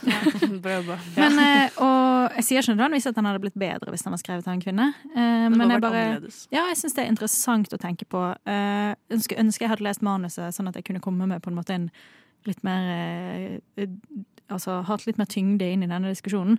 Men jeg tror jo en av grunnene til at den treffer godt, er fordi at den på en måte blir sett på litt, som litt mer progressiv i utlandet enn i Norge, hvor vi på en måte er vant med at kvinner kan snakke om mensen og Litt sånn ja. som med Skam og Euphoria. At når uh, Euphoria sesong 1 kom, og det var sånn den scenen med, uh, i guttegarderoben med alle uh, tissene Så var alle sånn Wow, hvordan kan du? Og så er det sånn I Norge det er ikke så big deal. Det går Nei. fint. Det er ja, det er sant.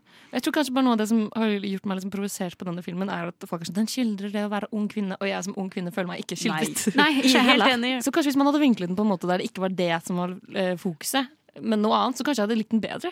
Men apropos du som skal tilgi, nei, tillegge eh, filmer som ikke er smarte, eh, med smarthet. Det er jo mange som mener at det er liksom meningen at Julie bare skal være et, liksom, et figment av da Eivind og um, Aksel sin eh, opplevelse av henne. Jeg tror jeg hadde likt den bedre. Ja, men det er, det. Den er, det er jo ikke det den er. Men hvis den hadde vært det, Mm. hvis var Hvis de hadde startet hele filmen med at det var perspektivet fra Eivind og Aksel, så hadde jo filmen i seg selv blitt mye bedre, for den sier så mye om hvordan menn ser på kvinner. Ja. Men jeg ser også for meg sånn, hvis dette var liksom en sånn uh, kul fransk film som viste Paris like vakkert og skulle på 35 minutter, så hadde jeg sikkert også vært sånn oh, så pen.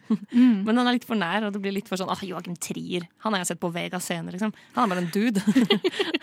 Men i uh, International Feature så konkurrerer den jo mot Drive My Car, uh, ja. den japanske som også er nominert til Best Picture, så den er sterk der. Ja. Det er Flukt, den danske animasjonsfilmen som vi snakket om for noen uker siden.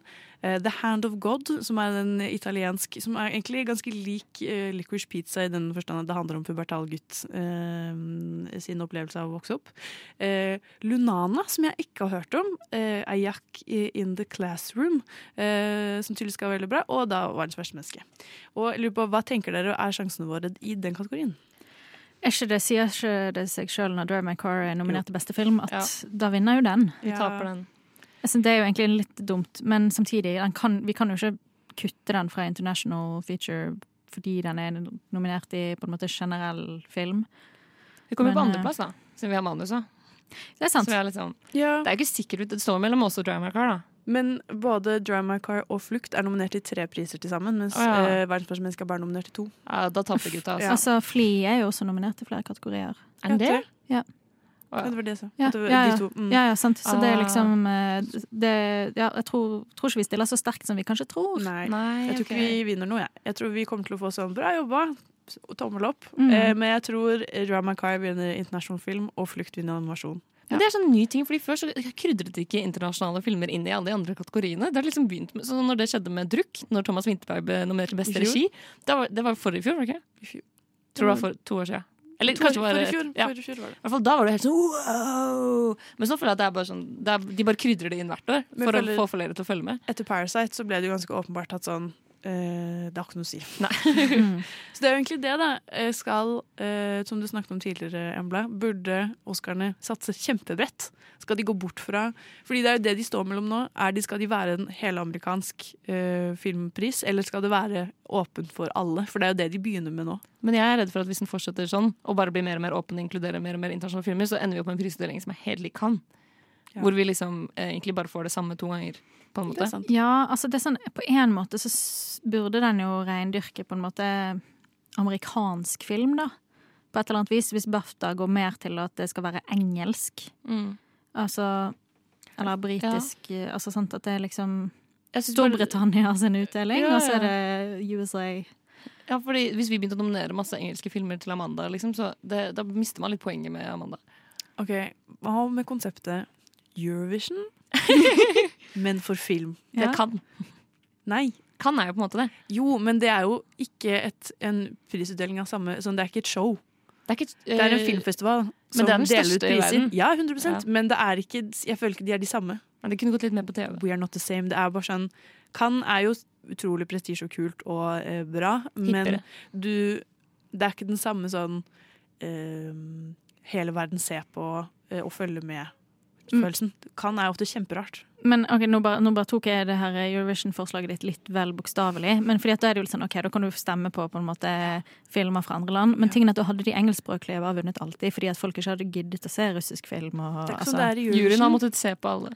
Eurovision så er det veldig positivt om du har øh, eh, originalt språk. Så Ja. det at Tix byttet til engelsk tekst, var hans undergang. Ja. Men jeg, da. Det er veldig, jeg er enig. Eh, Jeg tror, men jeg tror det er litt uh, ambisiøst. Ja, det, det jeg tror ikke på en måte du kan åpne for publikumsstemmer. i hvert fall. Det måtte fortsatt vært jury. Men mm, ja, det kunne jo vært interessant. Om noe så er jeg egentlig bare veldig interessert på hva som blir Joachim Tries neste film. Om, dette om han nå la- tror du han kjører Hollywood? Så han legger opp nå, ja. Ja, du tror det? Takk for Nei, meg. jeg tror, jeg tror nok det er Hollywood nå, ja. Når Ja. eh, han har to Oscar-nominasjoner, liksom. blir jo fort ja Da, Vi skal eh, snakke om litt andre filmer som er nominert, slash filmer vi skulle ønske var nominert. Sint. Og jeg er sint. Men før det så skal vi høre Jeg er veldig sint. Men jeg skal spare det. Ja, men jeg skal spare Sint, det til etterpå. sint, sint, Det frister å si hvorfor Pass på nå. så jeg ikke skrur av mikken din. Ja. Oh, ok, ok, ok. Vi skal høre en sang.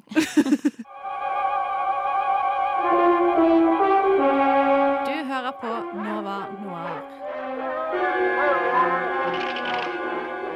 who do you think you are, anyway? Answer me, or I destroy you! Yes, du hører på Nova Noir, hvor uh, Ina, Hanne og jeg, Embla, har sittet og diskutert Oscar og gått inn på noen filmer og uh, hvem vi tror kommer til å vinne og tape. Og nå uh, skal vi jo se litt mer sånn f.eks. på de som ikke eh, har blitt nominert. Eh, og eh, jeg vil bare starte veldig sterkt med å si at jeg er kjempelei meg for at Sovekupé nummer seks ikke ble nominert. For den var shortlista, og den så veldig ut til å eh, bli nominert. Og jeg syns den knuser verdens verste menneske. Dette er altså den finske filmen. Og jeg var bare sånn Nå er jeg finsk. Eh, jeg, er en, jeg føler meg mye nærmere finnene. Føler at jeg identifiserer med de. Og liksom, dette er min realitet. Dette er den kalde, gritty ja, Jeg ble skikkelig glad i den filmen. Så når den ikke ble nominert, så ble jeg liksom Jeg følte at jeg hadde tapt. Men samtidig, da, så jeg føler jo at alle vet jo at Drive My Car skal vinne, så det spiller jo ingen rolle om den på en måte om den hadde blitt nominert, fordi den hadde ikke vunnet uansett. Når Drive My Car Ja, er en så stor favoritt. Men er, altså Jeg har ikke sett Drive My Car, da, men Nei, jeg har ikke ikke hørt at den er så men, bra. ehm, Ina, du var ikke så imponert over den? Drive My Car? Ja. Um, nei, den er altfor lang. Eh, den har Det er grunnen til at jeg ikke har sett den. Fordi jeg orker ikke sitte i Tre tre timer. timer! Tre timer på kino, det er for lenge. To timer og 59 minutter. Det er for mye. Og ingen av karakterene er veldig sympatiske. Jeg har ikke lyst til å eie på noen av de. Men bra pitch. Alexander i No Noir liker den veldig godt. Han begynte å gråte.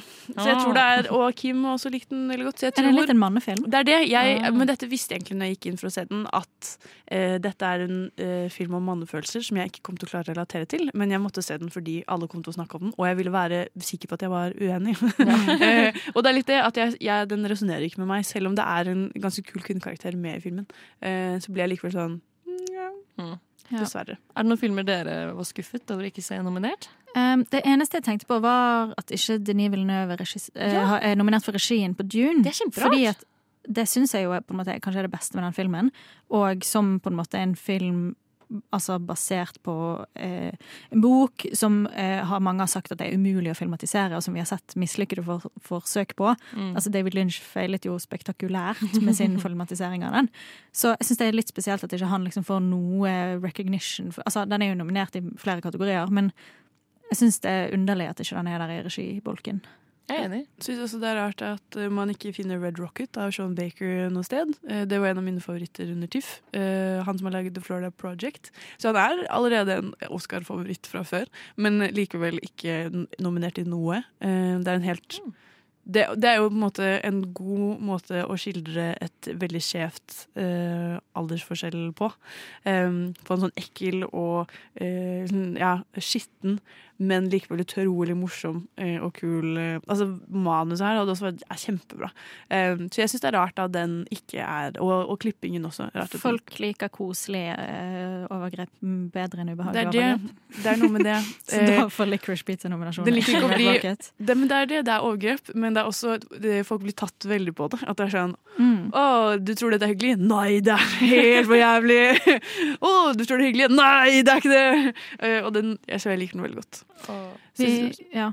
Nei, vi nevnte jo så vidt at det er enkelte som mener at Lady Gaga burde vært nominert for uh, sin eh, rolle Veldig mange i uh, House of Gucci. Men jeg leste også på Rotten Tomatoes at det er mange som mener at Jared Leto eh, burde vært nominert. Og det syns jeg er helt sinnssykt! Det er helt For House of sinnssykt. Gucci, Altså, ja, ja, han spilte jo ja, ja, Super Mario, liksom. Så at, at folk faktisk er frustrert over at ikke han vant, det syns jeg er sykt. Det er helt vilt. Um, han, han ødela jo den filmen. jeg syns jo, eh, jo på en måte Jeg syns den var litt artig.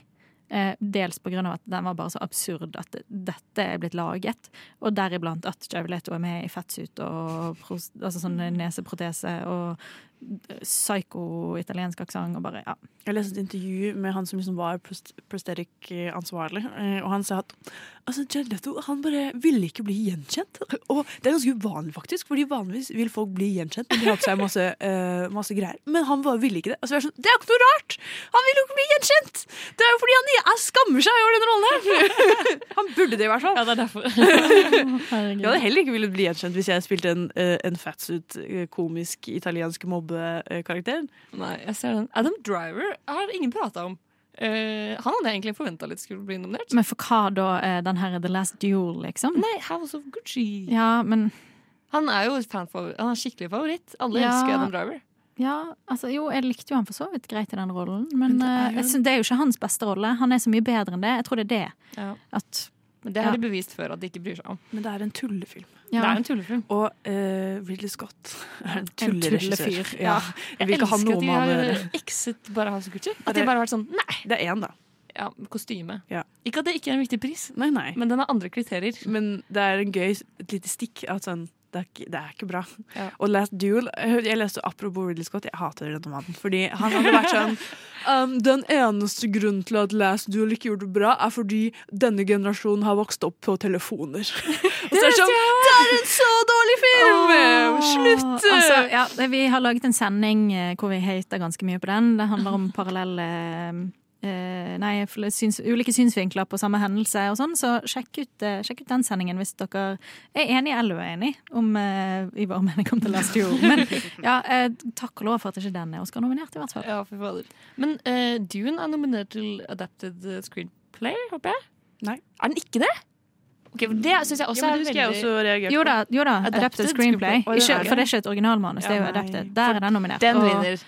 Ja, men The Power of the Dog er jo også nominert der. Er det også Og Drive My Car, da. Ja, men, og eh, The Lost Daughter, som er Mag- Maggie Gyllenhaal sin eh, regissørdebut. Jeg tror hun kommer til å få noe. Ok, jeg vedder Ja. penger på at uh, Dune vinner den. Jeg tror ikke den vinner noen av de andre store, men den vinner den. jeg, jeg tror kanskje Dune vinner på sånn Er ikke den nominert for sånne effekter og Ja, jeg tror det er der den vinner. Sånn. Og kostyme eventuelt. Nei, de kostymene var ikke så kule. Mm. jeg syns det trakk du litt ned. De Nei, jeg likte det. Jeg synes det morsomste er de som parodierer det på TikTok med å fargelegge en q-tips og putte den sånn Eller teipe den til kinnet bort til nesa. Har du sett det? Jeg merker jeg har snakket jeg mye om TikTok i denne Du, sendingen. du har vært sånn uh, unge ja. eller be down with the kids. Uh. Du har nevnt det på er TikTok fem ganger, du. Er du sponset? Er, Ja, jeg er er vi infiltrert av kinesiske government? Uh, hodet mitt er i hvert fall. Men eh, ja, det, jeg syns ikke kostymene der var så fette. Men hvis ikke den vinner Adapted, som du nevnte, den har jo virkelig gjort en knalljobb med å endelig klare å gjøre Dune til en film. Mm. Så den er en av de jeg liksom, Vi har jo alltid sånn der vi vedder i redaksjonen hvem som klarer å gjette flest riktige. Og den er jeg ganske sikker på. Åh, men det er vanskelig, da, fordi at jeg heier jo som regel på kvinner når jeg kan. Eh, og når både The Lost Daughter og Power of the Dog er nominert i Adapted Screenplay, så selv om jeg elsker Dune, så um, er det en vanskelig konkurranse. Men jeg heier også eh, Nå har jeg snakket litt om at jeg elsker West Side Story. Eh, men jeg tror ikke den kommer til å vinne noen av de store prisene. Eller gjør meg godt med det. Men jeg vil bare at ehm, eh, Ariana DeBose, eh, som spiller eh, venninnen til Maria, eh, hun er så dyktig. Og hun er nominert til Best Supporting act eh, Actress. Det er også hennes ehm, eh, filmdebut. Hun har vært på Broadway i mange år. Dritflink. Eh, og hun er den eneste av skuespillerne som er nominert eh, til eh, en skuespillerpris. Mm. Så jeg har krysser veldig fingrene for at hun får den anerkjennelsen hun fortjener. Nei, Kirsten Dunst. It's time! Eh, nei. Eh, jeg, jeg tror jeg er på Ina sitt lag. Nei, her, altså. hun er så god i Power of the Dog. Det var det jeg likte best, var hvordan hun spilte. Hun går så rart, hun er så Hun ser litt trist ut. Ja, og hun er så god på det. Jeg kjenner det i hjertet. Nei, den, eh, det er den jeg heier mest på. Og ellers så gir jeg egentlig ganske F i år, merker jeg. Eller sånn, vanligvis har jeg noen jeg heier litt mer på. Akkurat den Oscarsesongen her så er jeg litt sånn Nei. Kanskje litt, Don't Look Up, da. Bare Det for å merke til denne sendingen, Emla, for å si det mildt. Det eh. Det hadde vært gøy hvis Norge vant, da. Det er jo alltid gøy å vinne. Ja, men det vært det er så kjipt at det er for den. Ja, jeg er enig. Det skulle vært uh, barn. Ja, hva skjedde med barn? Den ble, ikke, den ble ikke nominert engang, den. den ble, det var ikke vår Oscar-kandidat engang. Hvis det er noe som skulle ha vunnet for manus, så er det jo det. Jeg syns jo han er Norges flinkeste manusforfatter. Men nå har ikke jeg lest uh, 'Verdens verste menneskemanus' ennå, så jeg skal ikke uttale meg Det så verdens, verste manus. Ja, det blir jeg. uh, vi skal ta en liten sangpause, men vi kommer tilbake, så ikke gå. Du. Der hørte du Emilie. Nicolas synge en karaokeversjon av Dømme Dømme Boys. Det er ikke så mange som vet at det er Radio Nova. cover, men det Yes, eh, du har hørt på Nova Noir her på Radio Nova, og i dag så har vi snakket om Oscar-utdelingen. Wow, man blir, eh, blir gira. Man kjenner det kribler litt. Ja, men Emla, når er Oscar-utdelingen Ah, det store spørsmålet, det er natt til Ja, aldri. Natt til 28. mars. Og da skal vi ha livesending. Eh, har vi bestemt nå. Så da kan du jo sitte våken hele natten og høre med, på Oscarene med oss. Det blir i hvert fall deg og meg, Emla. Ja, det blir oss to. Det blir som meg. Jeg skal sove. Du kan, du kan bære han hit. og Holde henne. Du kan ligge og sove i hjørnet her. i studio. Mm, nei takk. Men det er i hvert fall kjempehyggelig, fordi eh, som nevnt, det er ekstremt mange eh, pauser eh, under Oscarshowet. Eh, og i hvert fall nå, hvis de skal eh, dele ut eh, masse av prisene før showet, som jeg er sterkt imot. Men da har du i hvert fall noen å prate med, eller høre på. Høre på. Med, ja, du kan også sende en melding, da, hvis du vil. Ja. Eh, men mellom slagene. Det har vært veldig gøy å gjette litt Oscar med dere. Det blir gøy å høre på denne episoden etterpå og se hvor mange vi har gjettet riktig, og om vi har tenkt riktig. Eh, det, ja, vi i studio har vi vært Hanne Marie Nord. Og Ina Sletten. Du er usikker, da? Ja, vi skal ha mellomnavn jeg Jeg er Embla Aaslein, og vi ønsker dere en strålende torsdag videre. Og så kommer vi tilbake neste uke. Takk for nå. Ha det bra.